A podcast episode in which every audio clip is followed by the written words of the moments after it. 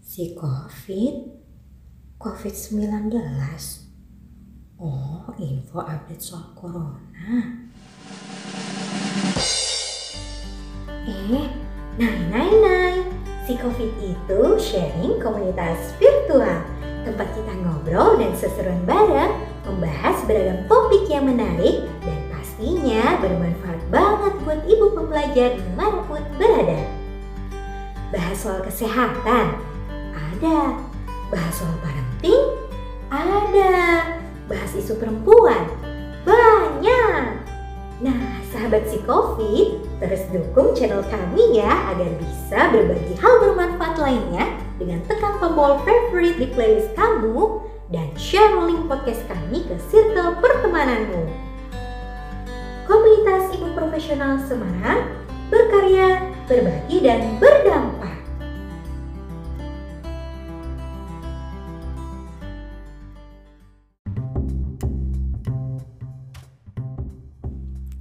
Halo, Assalamualaikum. Kembali mengudara bersama saya, Octavia Winati di Si Covid, sharing komunitas virtual, komunitas ibu profesional Semarang. Halo, ibu pembelajar di seluruh dunia. Uh, hari ini saya akan kedatangan tamu spesial, yaitu sahabat lama, karena kami bertemu di suatu forum kepemudaan. Dan uniknya lagi uh, di suatu kesempatan saya berkunjung ke rumah beliau. Dan terkaget-kaget bahwa ternyata uh, teman saya ini adalah anak dari ibu Septi Penny.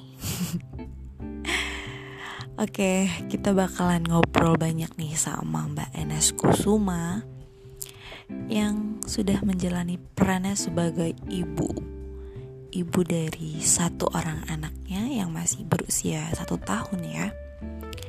Dan uh, kepo gimana sih uh, perjalanan Mbak Enes ini mengarungi satu tahun bersama Aka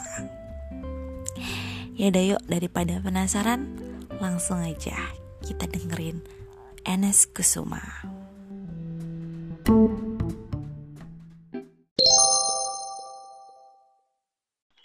Halo, Assalamualaikum Kak Enes. Waalaikumsalam. Gimana nih kabarnya? Alhamdulillah baik. Okta gimana kabarnya? Alhamdulillah baik juga. Oh iya kak, kemarin sempat diundang ya sama Mbak Indah. Yes, aku di kontak waktu itu terus langsung iya. Suatu kebetulan ya. Itu kayaknya abis bikin status yang banyak banget gak sih tuh di Instagram. Ya, ya gitu ya. Aku tuh aku tuh tidak ini. Jadi aku tuh kan karena emang aku ngisi Instagram tuh buat me time, buat apa ya for fun aja lah nggak ada intensi apa-apa gitu kan jadi kalau habis ngisi hmm. di Instagram aku suka lupa aku, aku kemarin ngisi apaan ya oh iya tapi emang sih apa namanya kalau di Instagram Venus tuh rata-rata kan emang kayak sharing-sharing ya isinya maksudnya nggak yang terlalu kecurhat gitu jadi yang baca juga kayak terinspirasi gitu loh I iya, feel honored. aku yang termasuk selalu bacain gitu.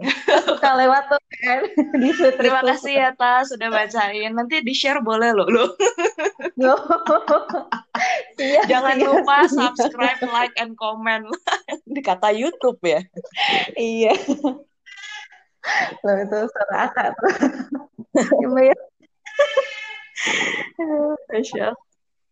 Oh ya kak, ini kan ngomongin soal perempuan ya. Jadi hmm. kita kemarin sempat apa tuh ada Hari Perempuan Sedunia, terus uh, banyak tuh postingan-postingan, terus juga acara-acara mengenai uh, gimana sih peran perempuan, terus makna perempuan uh, bagi ibu, bagi wanita Indonesia kayak gitu. Nah hmm. kalau menurut sendiri nih ya uh, peran Enes sebagai mungkin sekarang sebagai ibu ya, sebagai mm ibu terus perempuan juga tuh kayak gimana tuh? Um, sebelum aku jawab, jadi aku tuh baru tahu kan ada Hari Perempuan Internasional itu karena saking banyaknya hari-hari itu kan dan ternyata itu iya. bertepatan sama tanggal nikah aku. wow, keren dong. Jadi kita kayak wah kok bisa ya gitu padahal mengambil ngambil tanggal nikah itu yang ini aja long weekend aja. nah. Uh, iya. Pas banget gitu kan momennya oke okay, itu dapat. Bertepatan hmm. sama uh, tadi ya tentang peran ibu dan peran sebagai perempuan sendiri. Sebenarnya sih uh, gimana ya kalau aku ngerasa itu ya nggak beda jauh gitu. Jadi aku tuh ngobrol sama Mas Pandu sebelum nikah itu namanya peran perempuan dan laki-laki itu hanya terpisah dengan apa dari segi biologisnya aja gitu. Laki-laki nggak bisa hamil jelas. Laki-laki nggak bisa menyusui. Meskipun uh, bisa memberikan asi ya jadi beda ya. Kalau menyusui itu kan langsung gitu direct breastfeeding gitu. Tapi bisa iya. memberikan yeah. asi misalkan kayak uh, ibunya lagi kecapean terus bapaknya bantuin tuh ngasih asi dengan uh, menggunakan sendok atau dengan pipet itu bisa banget gitu. Jadi tidak terbatas lah. Kemudian uh, uh, hamil dan melahirkan satu lagi. Jelas nggak mungkin bisa itu laki-laki. Nah, yeah. selain itu itu uh, bisa banget semuanya dilakukan oleh perempuan dan laki-laki tergantung dari uh, prinsip dan pilihan masing-masing aja. Kalau kami sih ngerasanya kayak gitu. Jadi misalkan gini nih. Uh, kayaknya kita kok cocok kalau misalkan aku yang pergi, uh, aku yang kerja, terus habis itu Mas Pandu yang di rumah jaga Aka ya nggak apa-apa nggak masalah gitu dengan itu selama kita cocok gitu gitu sih oke okay, oke okay, oke okay, oke okay. jadi lebih ke apa ya namanya um, mencocokkan peran ya kayak ya? Iya, jadi ini sih kalau aku tuh ngerasanya ya, kalau misalkan uh, ngeliat dari berbagai pasangan yang pernah aku temui gitu dan berinteraksi, setiap hmm. pasangan hmm. itu unik kan. Jadi uh-huh. jangan terlalu terpaku sama teorinya kayak gini atau oh bapak ibu aku dulu kayak gini, oh tetangga-tetangga aku kayak gini. Kitanya sendiri tuh pengennya kayak gimana gitu. Uh, banyakin ngobrol antara suami sama istri, terus nemu apa istilahnya kayak solusi dari hal-hal yang mungkin meresahkan gitu dan ya apa ya pede aja gitu dengan pilihan masing-masing. Jadi bukannya nggak ada tuh yang namanya uh, peran perempuan itu lebih dari peran laki-laki atau peran laki-laki itu lebih dari peran perempuan. Nggak gitu juga. Jadi masing-masing punya perannya dan, dan itu harus dipahami, disyukuri dan diterima. Gitu sih. Oke, wah mantep banget nih. Terus terus uh, kira-kira nih kak, kak kan sebagai ibu nih ya, masa ibu uh, mengurus sat anak uh, untuk pertama kali ya mengurus anak kayak gitu. Hmm. Itu gimana sih uh, apa namanya rasanya gitu? Jadi ibu baru terus di apa dihadapkan pada satu manusia baru yang benar-benar asing gitu ya, maksudnya bener-bener baru ngurus satu manusia yang kecil terus nggak tahu maunya kadang apa gitu. Puyeng ya pastinya ya kayak aduh gitu. Andaikan bisa ngomong gitu. Kayak iya aku tuh nggak pengen di sini aku pengen dipindah tempatnya aku tuh ngerasa tuh semenjak jadi ibu terutama karena kakak kan masih apa belum memasuki fase berbicara ya itu tuh hmm. ngerasa kayak ini loh kayak deceiver gitu kayak kayak ahli coding gitu aku harus pandai membaca gerak tubuh, raut wajah, terus situasi uh -huh. gitu kan untuk bisa memberikan yang terbaik buat dia gitu. Cuman yang aku banyak belajar, beruntung banget sih ya kita tuh hidup di era di mana informasi itu gampang banget buat diakses. Ya pedang yeah. bermata dua lah antara beruntung dan tidak beruntung mm -hmm. gitu. Tapi kita kita ambil baiknya aja nih. Aku banyak belajar itu uh, bahwa ibu itu tidak selalu harus apa ya istilahnya mendahulukan anak gitu bahwa sebenarnya itu menjadi ibu itu tidak harus kehilangan sosok kita sebagai seorang uh, individu gitu, sebagai seorang manusia yang utuh kayak gitu kan, bahwa kita tuh juga butuh makan, kita butuh ke toilet, kita butuh uh, waktu untuk diri sendiri dan sebagainya. Justru dengan kita mengedepankan kebutuhan kita, tentu dengan porsinya ya, bukan kayak anaknya udah ya. nangis meraung-raung minta makan terus kayak bentar ibu masih me time ini YouTube-nya belum selesai nggak kelar ini gitu. atau episode berikutnya ini masih masih menunggu nih gitu. nggak gitu juga gitu ya maksudnya kebutuhan-kebutuhan yeah. urgent kayak makan atau ke toilet kan kayak gitu nggak bisa ditunda ya itu tuh yeah. anak tuh belajar juga bahwa oh ternyata uh, kebutuhan sebagai individu itu tuh juga penting juga dihargai kayak gitu. Jadi sehingga ketika nanti mereka jadi orang tua itu mereka tidak uh, melulu merasa berkorban untuk anaknya kayak gitu. Bahwa mereka juga boleh kok untuk memenuhi kebutuhannya. Ternyata kayak gitu. Jadi aku tuh baru kayak oh oke okay, ternyata nggak susah-susah banget ya meskipun nggak mudah juga. Nggak mungkin itu. Itu bohong sekali kalau ada yang bilang menjadi ibu semudah menjentikan jari. Apaan Padahal mah ya ampun. ah, kalau bisa kaki di kepala, kepala di kaki lah udah itu. Iya bener banget Mbak. Ini kan aku juga merasakan ya. Saya enggak. Hmm, kan kita kan bedanya cuma sebulan kan Kak. Iya. Kita rasanya ya ampun kayak anak kecil ngurus anak kecil kadang. Ih bener loh kayak kayak gimana ya aku tuh uh, banyak hal tentang mengurus bayi uh -uh. itu yang ternyata aku masih belum paham gitu kan. Kalau untuk ngurus uh -uh. toddler, bukan toddler ya, kayak eh, lima uh, tahun ke atas lah gitu. Yeah. Itu aku kan udah banyak, udah sering lah berinteraksi dengan anak-anak usia segitu. Tapi untuk lima tahun ke bawah itu ternyata aku buta banget kayak, aduh ini diapain ya? Terus ini kalau nangis ntar aku harus gimana ya? Itu tuh masih bingung banget kayak, aduh mati aku aku yeah. gitu belajar lagi kan berarti bener ya, banget kita. itu kayak nah. apa ya istilahnya ini uh, kuliah lagi lah ya jadinya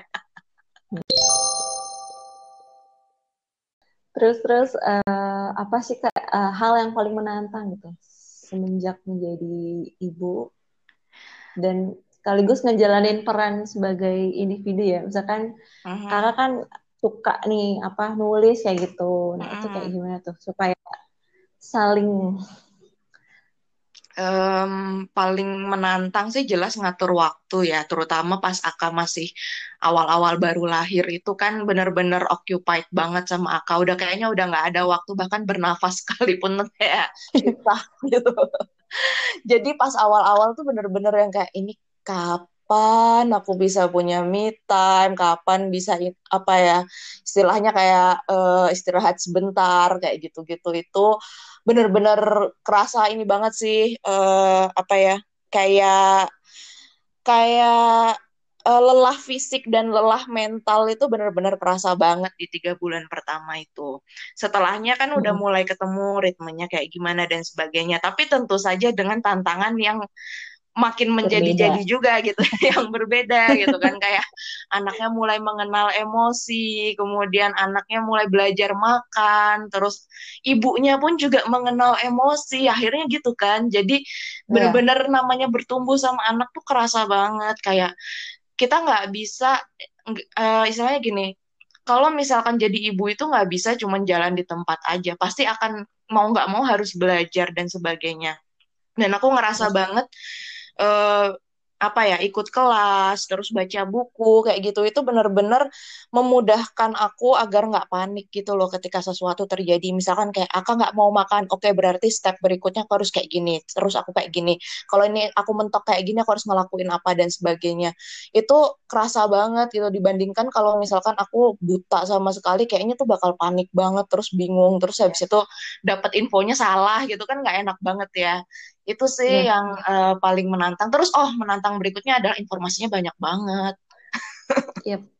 harus jadi milah-milih iya bener banget. Dan dan harus kayak kita mantapnya yang mana. Barusan tuh aku kan kayak uh, ini ya baca-baca lagi tuh ada apa ya istilahnya ada uh, aliran lain lagi gitu kan tentang empasi gitu. Jadi benar-benar kayak ketika terus ada salah satu dokter yang ditanya uh, gimana ini kalau dokter yang ini bilangnya kayak gini dan sebagainya. Terus beliau tuh jawab ya monggo ibunya tuh mau ikutan yang mana? Karena kan kalau misalkan hmm. terjadi sesuatu yang akan merasakan ibunya juga bukan dokternya. Dokter nggak hmm. bisa bantu apa-apa kecuali ngasih saran ngasih obat dan apa sharing ilmu mungkin kayak gitu. Tapi yang merasakan kita. Jadi ya kembali lagi kita mantepnya yang mana gitu. Itu bener-bener kayak diasah banget sih. Kayak kayak hmm. kita tuh harus pede sama pilihan yang udah kita ambil. Dan kita terima semua konsekuensinya itu bener-bener apa ya tempaan kehidupan tuh baru dirasakan ketika jadi ibu. Iya. yeah. Berasa di ospek asli tak. Learning by doing lah pokoknya ya. Mm Kalau apa namanya partner belajar BNS tuh sekarang Mas Pandu kan ya? Oh tentu itu. Dia partner segalanya. Itu tuh? Bentuk supportnya gimana tuh kak? Uh, aku tuh bersyukur banget ya. Maksudnya uh, aku ngerasa so lucky gitu kan uh, nikah sama Mas Pandu itu karena Mas Pandu adalah orang yang terbuka gitu kan. Jadi uh, Mas Pandu tuh mau mendengarkan, mau berubah, mau belajar kayak gitu. Dan itu hmm. aku kerasa banget sangat membantu ketika udah selesai lahiran kan. Karena kan selesai lahiran tuh kita udah nggak ada waktu buat mikir sama sekali kan. Kayak uh, kita harus dealing sama gejolak hormon, kita harus dealing sama begadang-begadang, kita harus dealing sama belajar menyusui dan berbagai hal lainnya gitu yang sangat-sangat baru untuk kita sendiri. Nah, itu tuh uh, Mas Pandu mau bantuin, mau dengerin, mau uh, istilahnya enggak nggak jadi emosi ketika aku emosi itu penting banget sih. Karena iya, karena kalau hormonnya ya karena kalau hormonnya naik turun gitu kan kita nggak bisa nahan ya. Kalau misalkan iya. pengen nangis ya tiba-tiba nangis itu kayak ini kenapa aku nangis? Kayak gitu. Atau marah juga nggak ini iya. ya meskipun bisa meskipun bisa istilahnya di ini ya diminimalisir lah tapi tetap pasti akan ada gitu saat-saat di mana tidak bisa dikontrol. Nah itu tuh peran partner yang yang apa ya kayak partner partner hidup tuh sedang diuji di masa itu gitu kan kayak dia sanggup enggak gitu menjadi partner hidupku. Kalau tiga bulan lahiran selesai itu udah lewat lah sanggup ini sampai seterusnya uh, kita juga banyak ngobrolin kayak kalau misalkan nerima ilmu baru gitu terus diobrolin terus didiskusiin gitu dan dan senang sih aku dengan keterbukaannya Mas Pandu gitu kan ngajarin juga bahwa ya kita tuh sebagai keluarga itu harus terbuka dengan cara yang baik gitu kan harus memilih mm. memilih kata-kata yang baik terus habis dengan uh, kondisi yang baik kayak gitu itu benar-benar banyak belajar sih dari situ gitu. Oke, oke. Jadi sebenarnya uh, peran kita sebagai ibu dan perempuan itu tuh emang perlu disupport banget sama partner belajar kita ya kak ya. Iya benar banget sih. Uh, pokoknya tuh kalau misalkan jadi ibu tuh get all the support that you can gitu kan. Jadi kayak yeah. siapa pun kalau misalkan masih tinggal sama mertua gimana caranya dapat support dari mertua. Kalau tinggal sama orang tua gimana caranya dapat support dari orang tua. Kalau uh, tetangganya juga deket banget yang tipe ngumpul-ngumpul gimana caranya dapat support dari tetangga.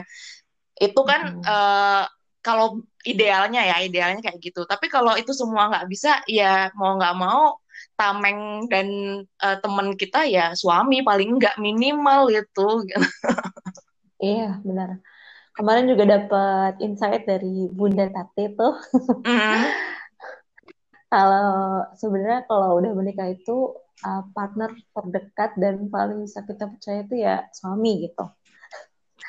Tapi itu ideal ya. Tapi misalkan ada di luar itu, nah itu yang harus dipertanyakan.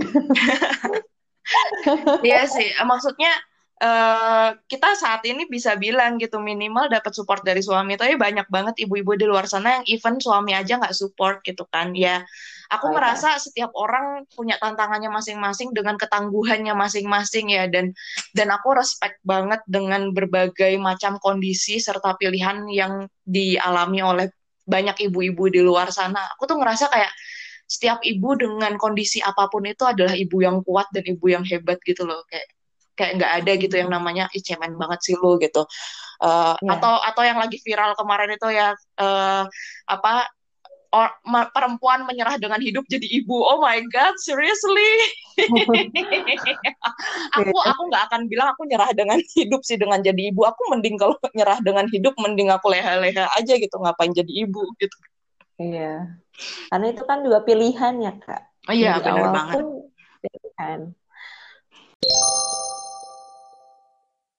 Rencana aku untuk jadi ibu tentunya aku bakal banyak belajar banget dengan orang-orang lain. Pokoknya aku akan menjaga gelasku inilah apa terbuka lah aku gitu gelasku kosong gitu kan terbuka dengan berbagai hmm. saran dari orang lain kayak gitu karena emang bener-bener kayak ini kan zaman yang berbeda ya kita nggak bisa yeah uh, istilahnya kita nggak bisa merasa kita sudah tahu semuanya banyak hal yang kita juga nggak tahu dan kita nggak nggak bisa juga merasa kayak kita paling benar yang lain salah gitu kan itu juga nanti iya. ruginya yeah. di kita sendiri gitu jadi jadi akhirnya jadi ya udah ngotak di situ-situ aja terus nggak nggak berkembang dan sebagainya nah aku tuh uh, pengen apa ya istilahnya uh, menjadi orang yang lebih bisa apa ya kayak uh, lebih mengoptimalkan lah berbagai potensi yang aku punya dan berbagai potensi dari eh, berbagai potensi dari lingkungan sekitarku gitu kan. Kayak aku bisa dapat uh, insight dari Instagram gitu kan. Terus habis itu aku bisa dapat insight dari YouTube aku bisa belajar dari sini dan sebagainya kayak gitu. Terus habis itu aku aku sekarang lagi ini sih lagi uh, apa ya kayak aku lagi planning untuk ngambil beberapa sesi bareng sama psikolog tentunya karena uh, harus ada beberapa hal yang harus aku selesaikan gitu dengan yeah. aku pengen membesarkan Aka itu paling enggak tuh enggak minus gitu loh. Dari nol tuh boleh nggak apa-apa tapi nggak minus kayak gitu. Jadi aku pengen memberikan kondisi yang memang betul-betul terbaik. Dan pastinya kalau aku tuh ngerasa kalau misalkan dari segi psikologi kita itu sudah oke okay, itu tuh akan lebih nyaman sih. Mau kita dealing sama anak kayak gimana juga mau kita jadi jadi partner jadi partnernya suami yang baik itu kita juga bisa gitu. Jadi jadi banyak hal lah. Itu itu istilahnya kayak uh, melejitkan kemampuan kita gitu. Aku ngerasanya kayak gitu. Jadi okay. kurang lebih sih dua itu aja sih baru aku untuk ini. Aku belum ada. Jadi rencananya memang aku mau fokus sama Aka itu paling nggak sampai Aka dua tahun. Setelahnya baru aku mulai aktif berkegiatan lah gitu. Oke okay. Jadi apa fase upgrade diri gitu ya? Itu setelah uh, anak atau Aka itu udah dua tahun gitu ya Kak Maksudnya? Uh, enggak juga sih, kan kita sendiri sebagai ibu itu tiap hari upgrade juga ya, kayak yang tadinya oh, iya. kesel ngelihat anak, terus habis itu kita bisa akhirnya uh, mulai ini nih mengatur emosi kita kayak gimana, mengatur waktu kita kayak gimana, komunikasi kita kayak gimana. Justru aku ngerasa banyak banget upgrade-nya itu setelah punya anak gitu loh. Kayak dulu tuh mungkin aku upgrade diri itu harus ikut kelas atau aku uh, harus ketemu masalah yang berarti gitu kan baru akhirnya upgrade tapi sekarang itu kayak hampir tiap hari tuh rasanya kayak upgrade aja gitu wah aku berhasil kayak gini ya gitu uh, little step lah apa jadi sedikit-sedikit tapi berkembang ke arah yang lebih baik. Nah, kayak gitu sih aku ngerasanya. Tapi nanti setelah dua tahun itu mungkin istilahnya lebih ke ranah publik ya. Jadi kayak berbagi, mungkin bikin kelas atau mungkin uh, apa ya mengoptimalkan sosmed atau bikin buku atau apa nah itu aku baru mau rencananya di dua tahun. Soalnya ini sih aku sadar diri kan masa pandemi ini targetku hanya bertahan hidup ya. Jadi gimana caranya aku bisa bahagia dan aku bisa baik-baik saja sampai pandemi kelar. Amin Amin, amin. Pokoknya ini benar-benar benar-benar unpredictable lah masa-masa pandemi ini kayak yeah. kita harus uh, adjusting ekspektasi banget banget pas pandemi ini. Yeah. Karena kita juga dealing with anak gitu kan. Terus apa namanya sama pasangan juga kan tiap hari di rumah gitu. Mesti kan ada yeah. konflik itu ya. Iya, pas awal-awal tuh kan kayak dibenturin 24 jam bersama. Wah, itu bener-bener sih. Iya. Biasanya kan paling cuma berapa jam gitu ya. 8 jam tidur, 8 jam di kantor. Sisanya doang gitu kan barengan sama suami gitu. Sekarang harus bener. setiap hari. Itu menurut aku benar-benar ini sih pandemi ini adalah tools yang paling efektif untuk bisa eh, memuluskan kehidupan rumah tangga kalau berhasil ya. Kayaknya. Karena sama-sama sedang diuji, ya nggak sih? Iya, kalau kalau berhasil melaluinya, wah itu tuh keren banget itu keren.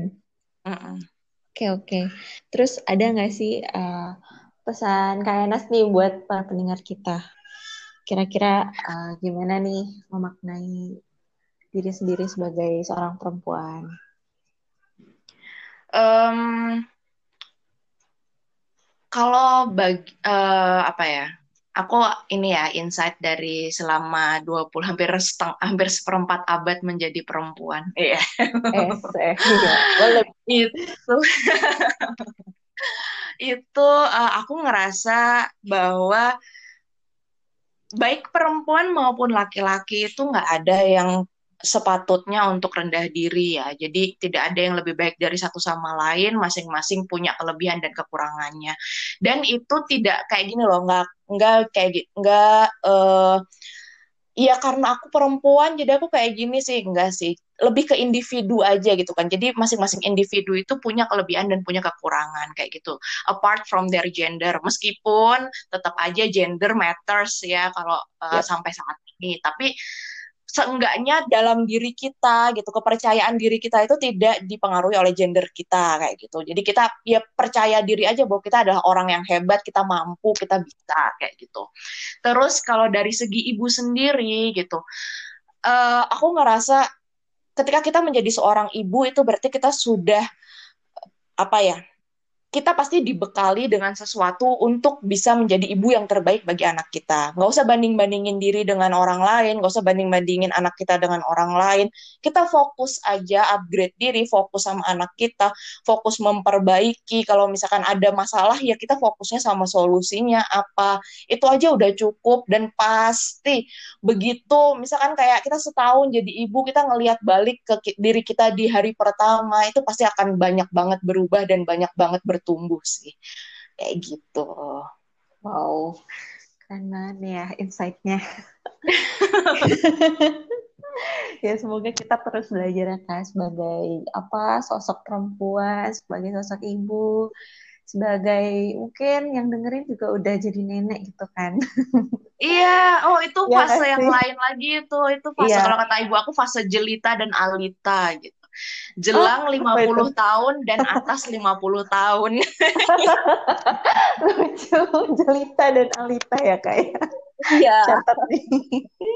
Nanti segmen berikutnya di ibu profesional ya, itu jelita dan alita. Siap, siap, siap. Itu jadi apa nih? Jenjang baru. Oh, itu atas atas atasnya Bunda Solehah Atas- lah itu mah. Udah solehah banget kayak gitu.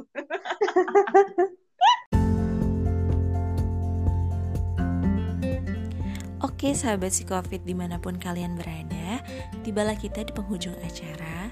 Semoga kita semua mendapatkan insight yang menarik dari perbincangan bersama Mbak Enes Kusuma. Sampai jumpa di kesempatan selanjutnya. Dadah